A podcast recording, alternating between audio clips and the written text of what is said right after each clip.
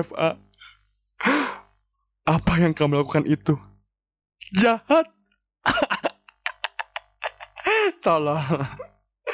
Aduh, oke jadi balik lagi sama gue part-time father tentunya di segmen kita long shot taker. Dan kita akan bahas yang lagi boomingnya. Yaitu tentang Manchester City yang kabarnya terkena hukuman selama 2 tahun larangan bermain di kompetisi UCL. Dan kita akan bahas lengkapnya di Long Shot Taker.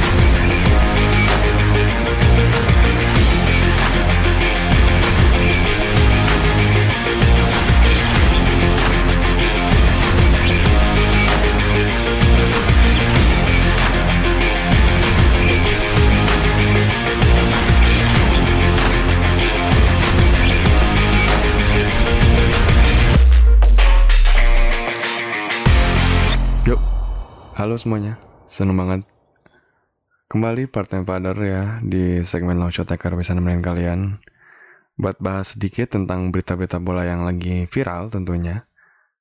Uh, uh. Ini gua recording sambil nungguin MU lawan Chelsea nanti malam. Tentunya bakal jadi pertandingan yang menentukan nasib Ole Gunnar Solskjaer.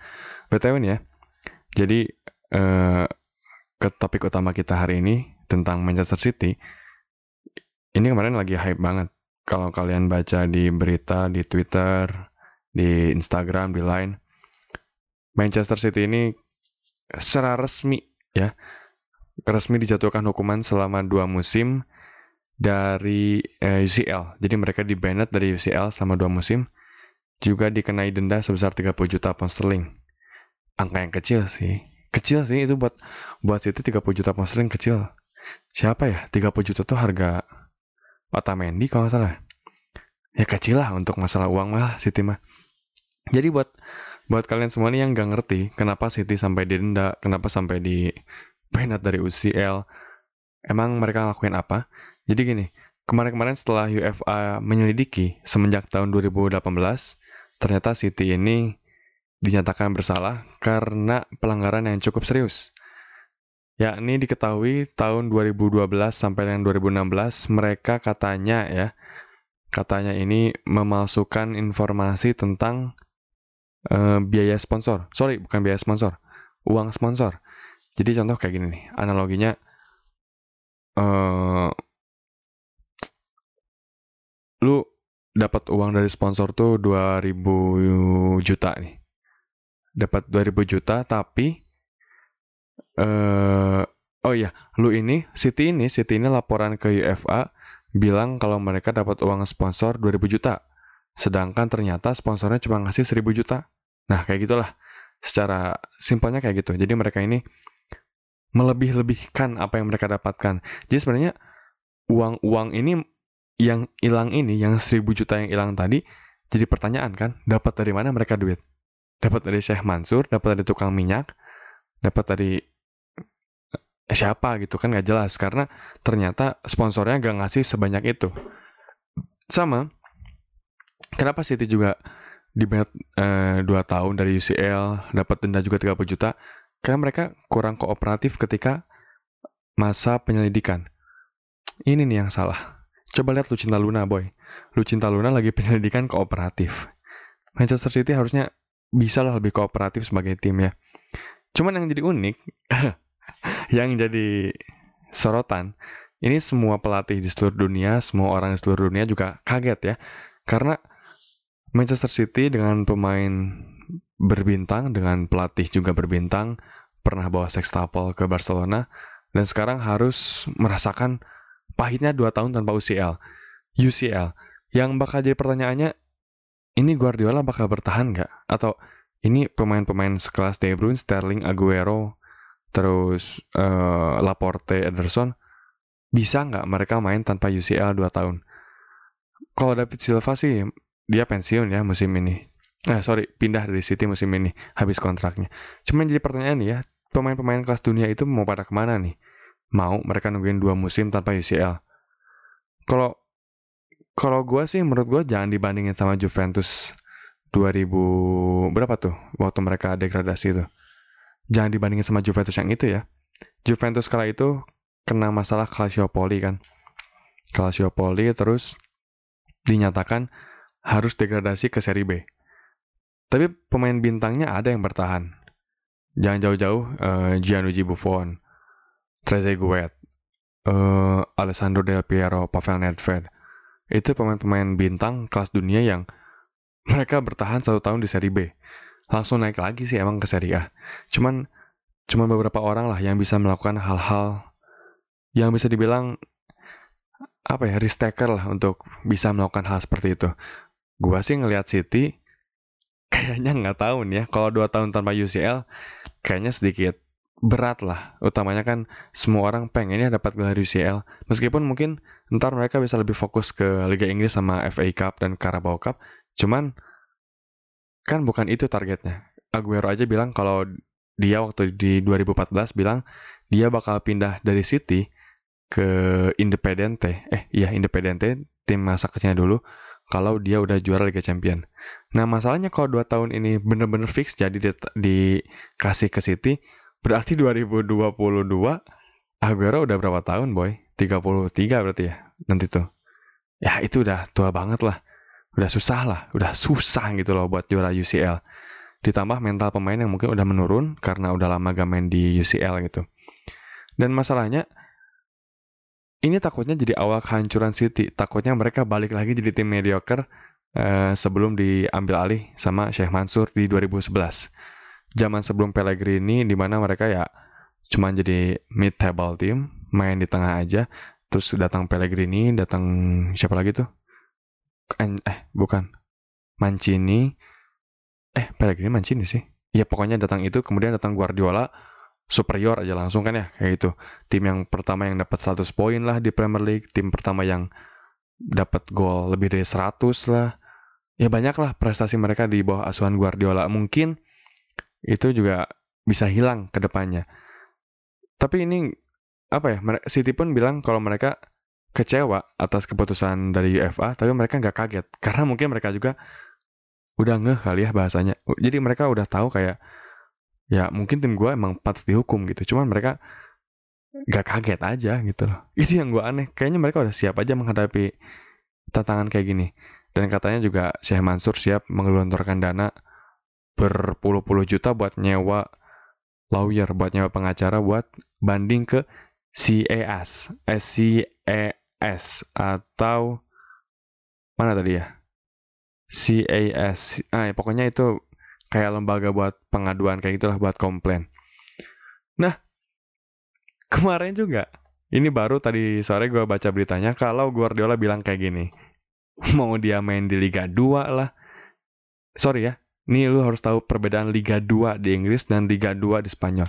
Kalau Liga 2 di Spanyol, itu berarti divisi kedua. Jadi divisi pertamanya La Liga, divisi keduanya uh, La Liga 1 2 3 alias ya itu divisi 2.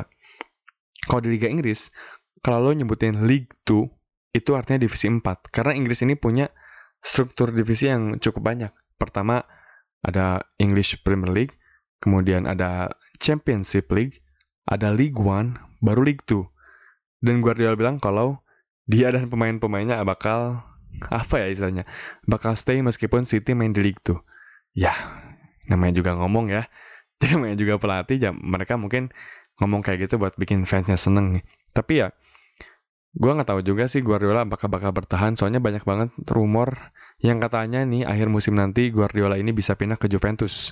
Melihat performa Maurizio Sarri yang biasa aja di Juventus sana padahal punya Ronaldo gitu kan ya nah ditambah lagi ini bakal efek apa aja sih ke Manchester City ke depannya? Apakah pemain-pemain bakal gak mau gitu pindah ke City? Mungkin menurut gue gak kayak gitu. Sistematikanya mungkin City masih dapat uh, jadi atraksi, eh sorry, attraction buat pemain-pemain di dunia. Cuman mungkin gak akan semua pemain hebat gitu loh. Mereka masih bisa dapat datengin pemain-pemain hebat, tapi gak akan semuanya, gak semudah sebelumnya gitu loh. Dan juga mungkin kalau nanti misalkan ini jadi efek berantai, kalau Guardiola-nya pindah aja ya, menurut gue mungkin bisa jadi banyak banget pemain City yang ikut pindah. Karena kebanyakan pemain City ini pindah ke City karena Guardiola gitu loh. Jadi mereka karena yakin ada Guardiola di City, jadi mereka pindah ke City. Sementara kalau Guardiola pindah dan City mengalami penurunan di Liga, pasti pemain-pemainnya pun pindah. Ditambah De Bruyne, Aguero, Sterling ini pasti mereka mengharapkan uh, sepak bola UCL, di mana ya mereka bisa dapat trofi yang benar-benar bergengsi lah untuk karir mereka. Nah, yang jadi poin penting, kira-kira nih, bisa nggak sih klub-klub top Eropa memanfaatkan momen seperti ini? Ini City lagi dalam kehancuran ya. Mereka lagi dalam, ya masih diambang kehancuran sih ya, belum dihancurkan. Mereka masih belum jelas apakah ini fix main di UCL, eh apa, fix di Bernat 2 tahun atau enggaknya. Cuman yang jelas, banyak banget pemain muda yang bisa kita ambil dari Manchester City ya. Contoh paling besar Leroy Sané. Kalau gue jadi pelatih MU atau pelatih tim mana pun di dunia yang bisa beli pemain City dan disuruh milih satu, gue milih dua. Eh sorry, gue milih salah satunya Leroy Sané. Kalau udah Leroy Sané-nya, gue beli Riyad Mahrez. Kalau Riyad Mahrez udah, Bernardo Silva. Karena menurut gue itu tiga pemain yang paling wow, yang paling benar-benar hebat di City. Ya mungkin De Bruyne bagus sih cuman dia menurut gua crossing guy.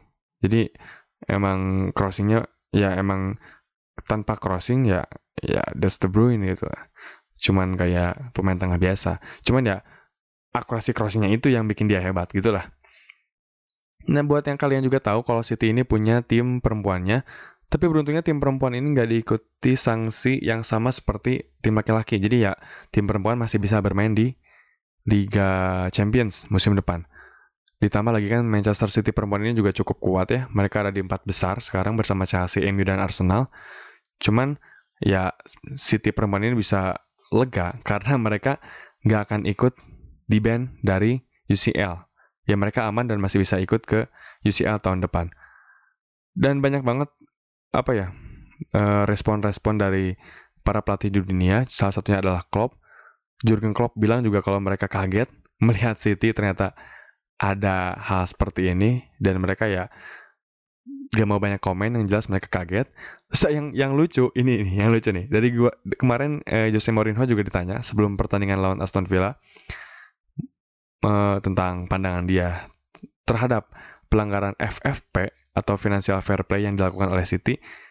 Mourinho ngomong kalau bisa nggak kira-kira kalau ini aturan benar-benar ternyata emang dilanggar di tahun 2018 kan dia ngelatih MU ya MU itu finish kedua dan dia bilang kalau finish kedua bersama MU adalah pencapaian terbesar dia di sepanjang karirnya padahal dia pernah dapat treble di Inter Milan pernah Liga Champions sama Porto yang benar-benar tim mediocre dan dia bilang momen terbaiknya adalah finish kedua bersama MU ini kalau emang ada pengurangan poin di tahun itu ini bisa nggak MU juara?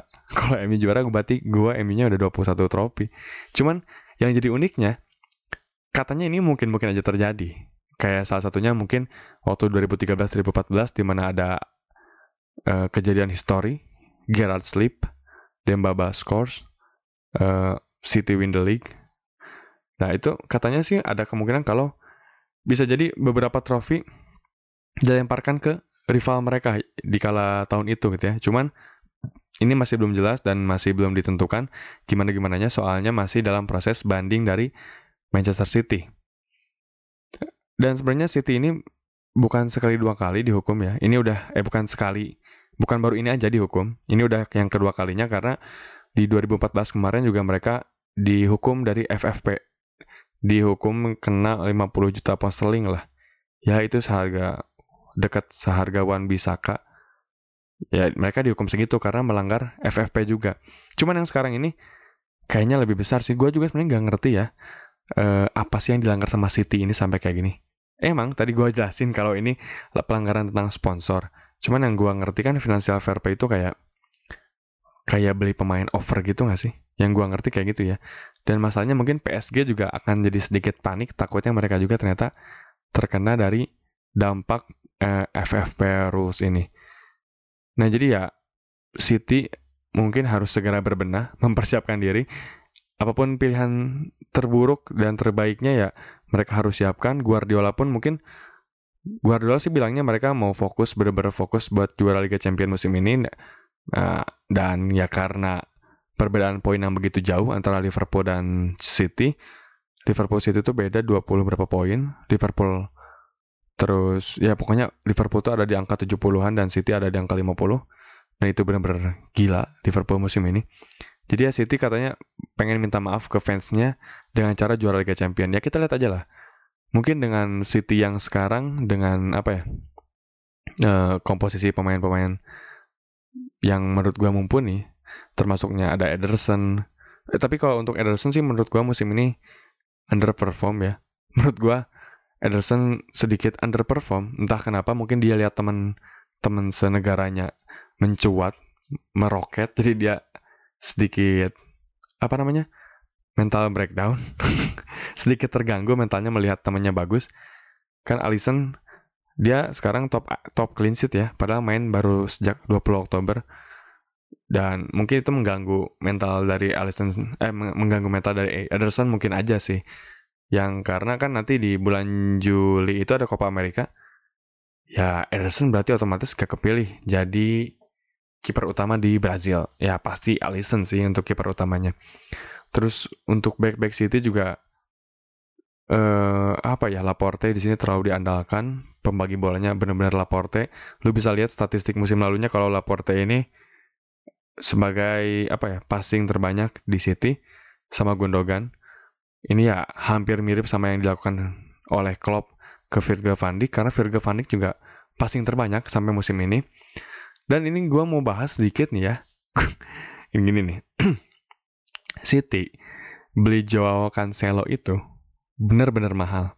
Hampir ke angka 60 juta. Kalau nggak salah, 60 juta. Beli Mendy juga mahal. Terus, ya pokoknya dua itu aja lah.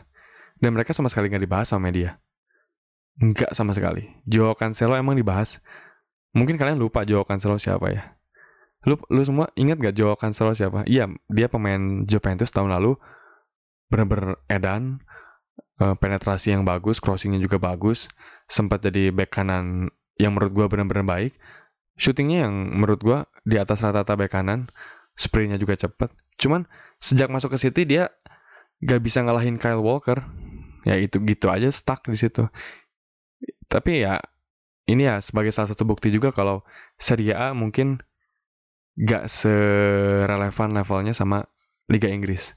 Jadi City ini ke depannya bisa jadi mereka hancur lebur, benar-benar hancur sehancur-hancurnya City, kembali lagi ke zaman before uh, Arab Money, di mana mereka dihancurkan 8-1 oleh Middlesbrough, atau mungkin bisa jadi lebih edan lagi, kayak City yang menghancurkan Watford 9-0. Itu semua sih ada di tangan Guardiola ya. Karena di sini Guardiola bakal bi harus bisa ngebimbing anak didiknya Apakah dia bisa membuat semua pemainnya bertahan, semua bintangnya bertahan? Katanya karena di kata kata Guardiola sih gini, katanya momen kayak gini tuh ini membuat mereka harus stick together atau ya tetap bersama-sama lah menghadapinya.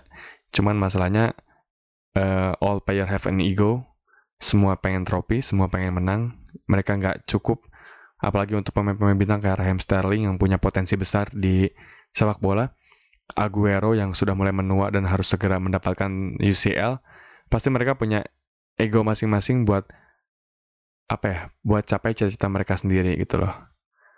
Ya ini mungkin podcast paling beda ya, podcast Tom Ceteker paling beda. Pertama gue bawanya nggak riwe. Aduh, teram. Pertama gue bawanya nggak riwe.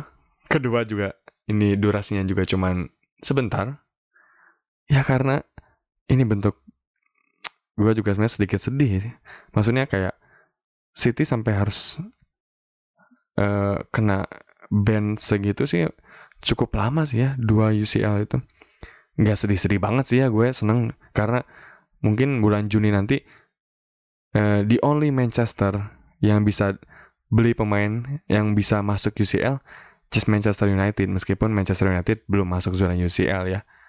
Oke mungkin segitu aja. Jadi buat teman-teman yang buat lu semua yang gak ngerti kenapa City sampai harus di banned 2 tahun itu ya gara-gara ini. Karena mereka melanggar aturan dari FFP.